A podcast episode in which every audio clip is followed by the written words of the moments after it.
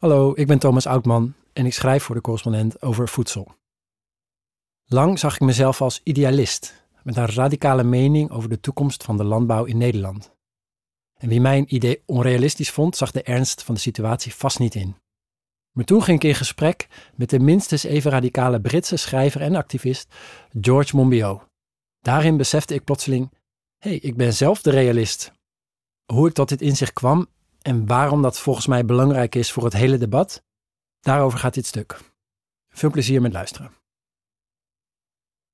Na me drie jaar verdiept te hebben in de stikstofcrisis, zijn mijn ideeën over de toekomst van de veeteelt uitgekristalliseerd in een radicale mening. Volgens mij is er maar één oplossing voor het stikstofprobleem. En vooral die andere landbouwproblemen, van broeikasgasuitstoot en watervervuiling tot een saaier landschap en een miserabel toekomstperspectief voor boeren. En dat is, laat de veehouderij op termijn stoppen met het gebruik van kunstmest en krachtvoer. Zonder die twee gaat veeteelt uitstekend samen met rijke natuur.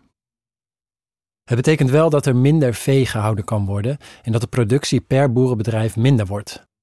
Maar als de samenleving meebetaalt, dan kan het uit. En als boeren in ruil daarvoor goed voor ons ecosysteem zorgen, lijkt het me niet meer dan logisch dat we ze financieel een handje helpen.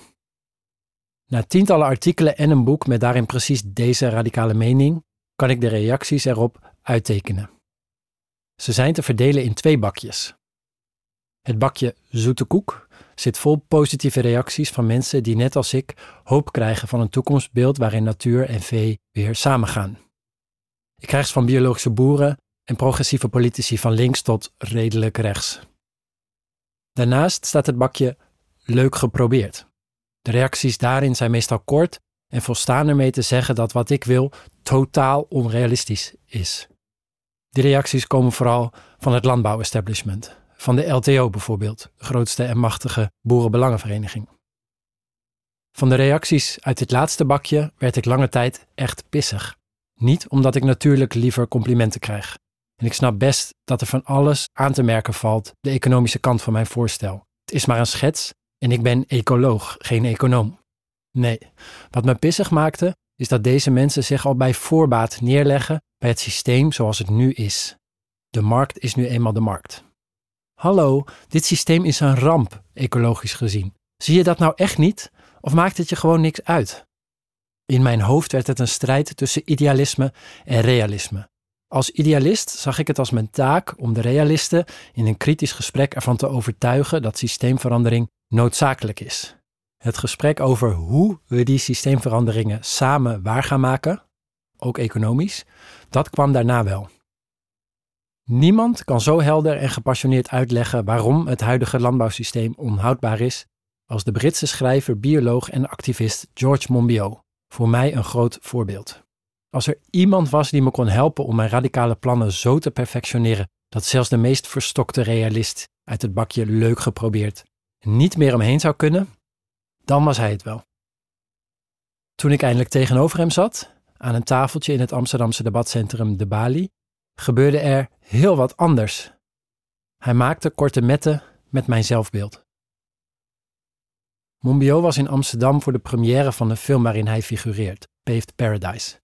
Een schaamteloos pleidooi voor nog intensievere landbouw, oftewel nog meer voedsel uit elke vierkante meter landbouwgrond persen. Monbiot wordt in de film geïnterviewd over de ideeën uit zijn laatste boek, Regenesis: How to Feed the World Without Devouring the Planet. Hij vindt dat milieubeleid in de landbouw zich ten onrechte richt op het voorkomen van vervuiling. De olifant in de kamer is wat hem betreft het enorme landgebruik. Een derde van al het land op aarde wordt gebruikt voor de landbouw. En daarvan komt driekwart op konto van de veehouderij. Zoals de armste gronden, waar geen gewas wil groeien, zet de mens naar zijn hand door er vee te laten grazen. En overal gaat dat ten koste van biodiversiteit. Daar zou de politiek iets aan moeten doen, stelt Monbiot. Mijn radicale idee, stoppen met kunstmest en krachtvoer in de veehouderij, vindt hij dan ook maar niks. Vanuit de gedachte dat ruimte het probleem is, is wat ik voorstel zelfs nog erger. Omdat in mijn plan minder wordt geproduceerd per boerenbedrijf, heb je nog meer land nodig om te voldoen aan de vraag naar dierlijke eiwitten. Monbiot's eigen radicale idee kappen met de hele veehouderij. In zijn toekomstvisie vervangen we koeien door stalen tanks waarin bacteriën eiwitten voor ons produceren. En wel op basis van waterstof, gemaakt van water en kernenergie. Zo kun je de hele wereld voorzien van eiwit op een oppervlak ter grootte van Groot-Londen, aldus Monbiot. En al die graasgebieden, inclusief de Nederlandse weilanden, geven we terug aan de natuur. Hmm. Ik had verwacht dat wij er met z'n tweeën wel uit zouden komen. Twee idealisten, mijn voorbeeld en ik. Als we het eens waren over de basis, het systeem is onhoudbaar, waar zouden we het dan nog fundamenteel over oneens kunnen zijn? Een van Monbio's punten waar ik het met hem over wilde hebben, dat begrazing altijd ten koste gaat van biodiversiteit. Dat is heus niet zo. Paleo-ecologisch onderzoek suggereert dat de biodiversiteit in Nederland niet minder werd door de komst van de veehouderij. In 1850, toen Nederland al eeuwen op grote schaal melk exporteerde, was de variatie aan wilde plantensoorten nog even hoog als duizend jaar daarvoor. Waarschijnlijk gold dat ook voor insecten, vogels en andere dieren. De natuur veranderde wel, maar de begraasde weilanden en heidegebieden in Nederland waren het thuis van waanzinnig rijke ecosystemen. Hier en daar zijn ze nog enigszins bewaard gebleven. Met mijn oplossing, veehouderij zonder krachtvoer en kunstmest, zijn die rijke weilanden binnen de kortste keren weer overal in Nederland te vinden. Het resultaat is een klassiek Hollands landschap. Een prachtige manier om ons ecosysteem te beheren op een nuttige manier voor mens en natuur. Zou dat niet net zo mooi zijn als wilde natuur? Over smaak valt niet te twisten, zei Monbiot. Maar denk eens aan de Gelderse Poort. Is die natuur niet astonishing? Van dit voormalige landbouwgebied aan de Waal is een natuurgebied gemaakt met een handjevol koninkpaarden en Galloway-runderen. Een schitterend mozaïek van natuurlijke vegetatie, noemt George Monbiot het. Dat was ik met hem eens. Omdat de natuurlijke rivierdynamiek werd hersteld, ontstond een prachtig natuurlijk ecosysteem dat continu verandert en zichzelf verder ontwikkelt. Niet alleen duizenden vogels, bevers en zelfs wolven maken er nu gebruik van, maar ook hordes dagjesmensen. Deze nieuwe natuur komt ook nog eens de waterhuishouding ten goede. Het gebied is weer onderdeel van de uiterwaarden van de Waal, waar de overstroming van woongebied voorkomen wordt.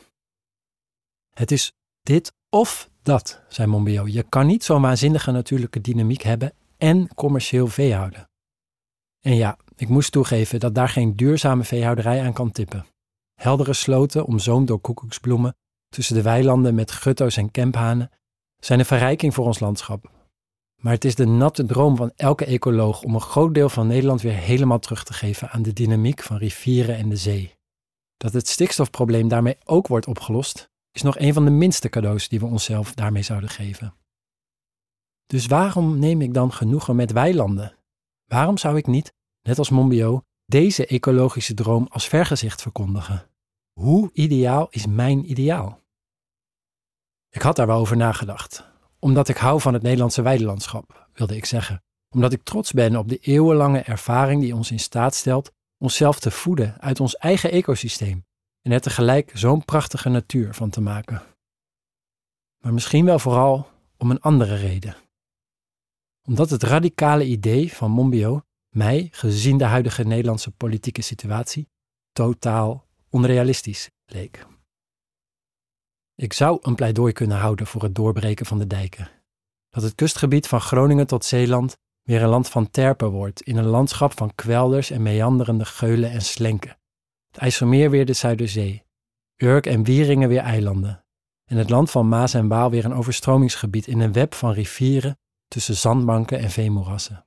Wat deze ecoloog betreft het summum. Maar wie had ik daarmee bereikt, anders dan een clubje wildernisfanaten? Nederland, zo hield ik Monbiot voor, moet nu een oplossing vinden voor het stikstofprobleem. Niet morgen. De overheid heeft een astronomisch bedrag van 24 miljard euro beschikbaar gesteld. Als ik nu zou voorstellen om de veehouderij integraal af te schaffen, lacht iedereen me uit. Zelfs de Partij voor de Dieren wil dat niet. Daar kwam de aap uit de mouw. Ik hoorde mezelf praten. Thomas Oudman, de realist.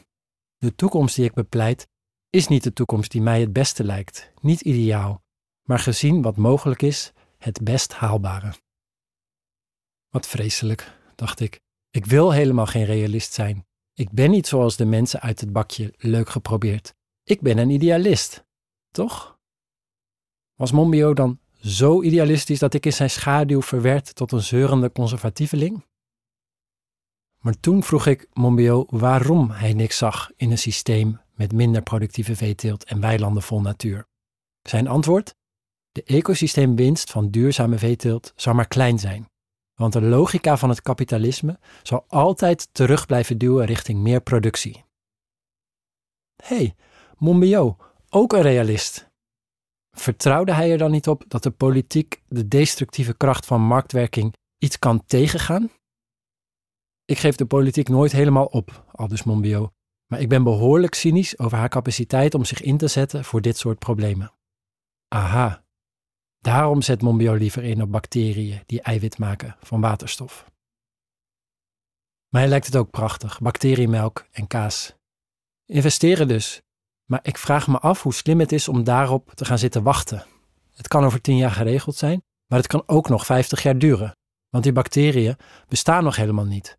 Er zijn wel bacteriën die waterstof eten en ook eiwitten produceren, maar nog niet caseïne, het essentiële eiwit in melk.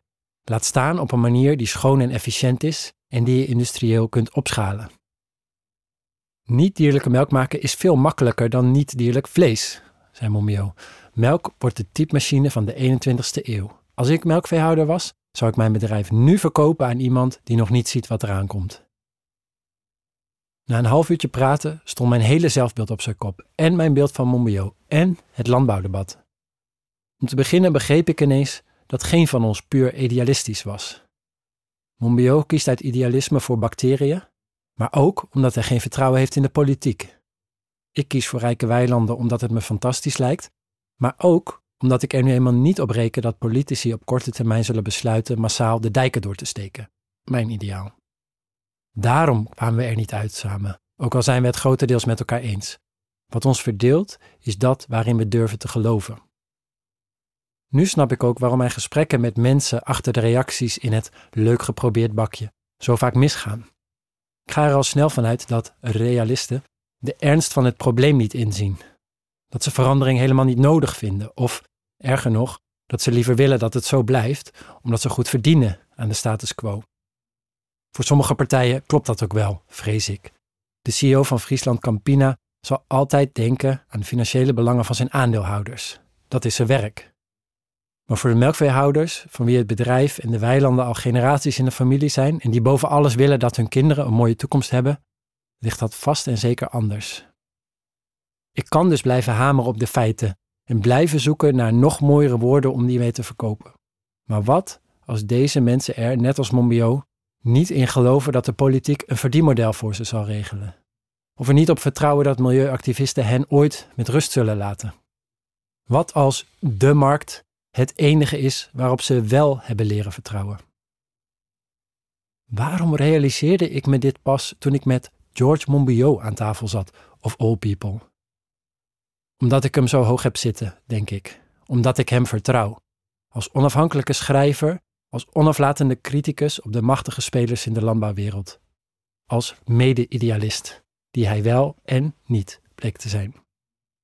Laat dit mijn goede voornemen voor het komende jaar zijn.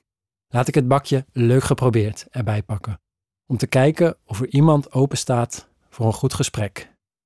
Niet over de feiten, maar over vertrouwen. De correspondent bestaat tien jaar. Al tien jaar maken wij journalistiek voorbij de waan van de dag. Journalistiek die niet polariseert, maar perspectief biedt. Die geen ophef najaagt, maar oplossingen zoekt. Wist je dat de correspondent 100% door leden wordt gefinancierd? Dat betekent dat we ons werk alleen kunnen doen als luisteraars zoals jij ons steunen. Word vandaag nog lid. En draag bij aan diepgravende, advertentievrije en onafhankelijke journalistiek. Ga naar decorrespondent.nl en word lid.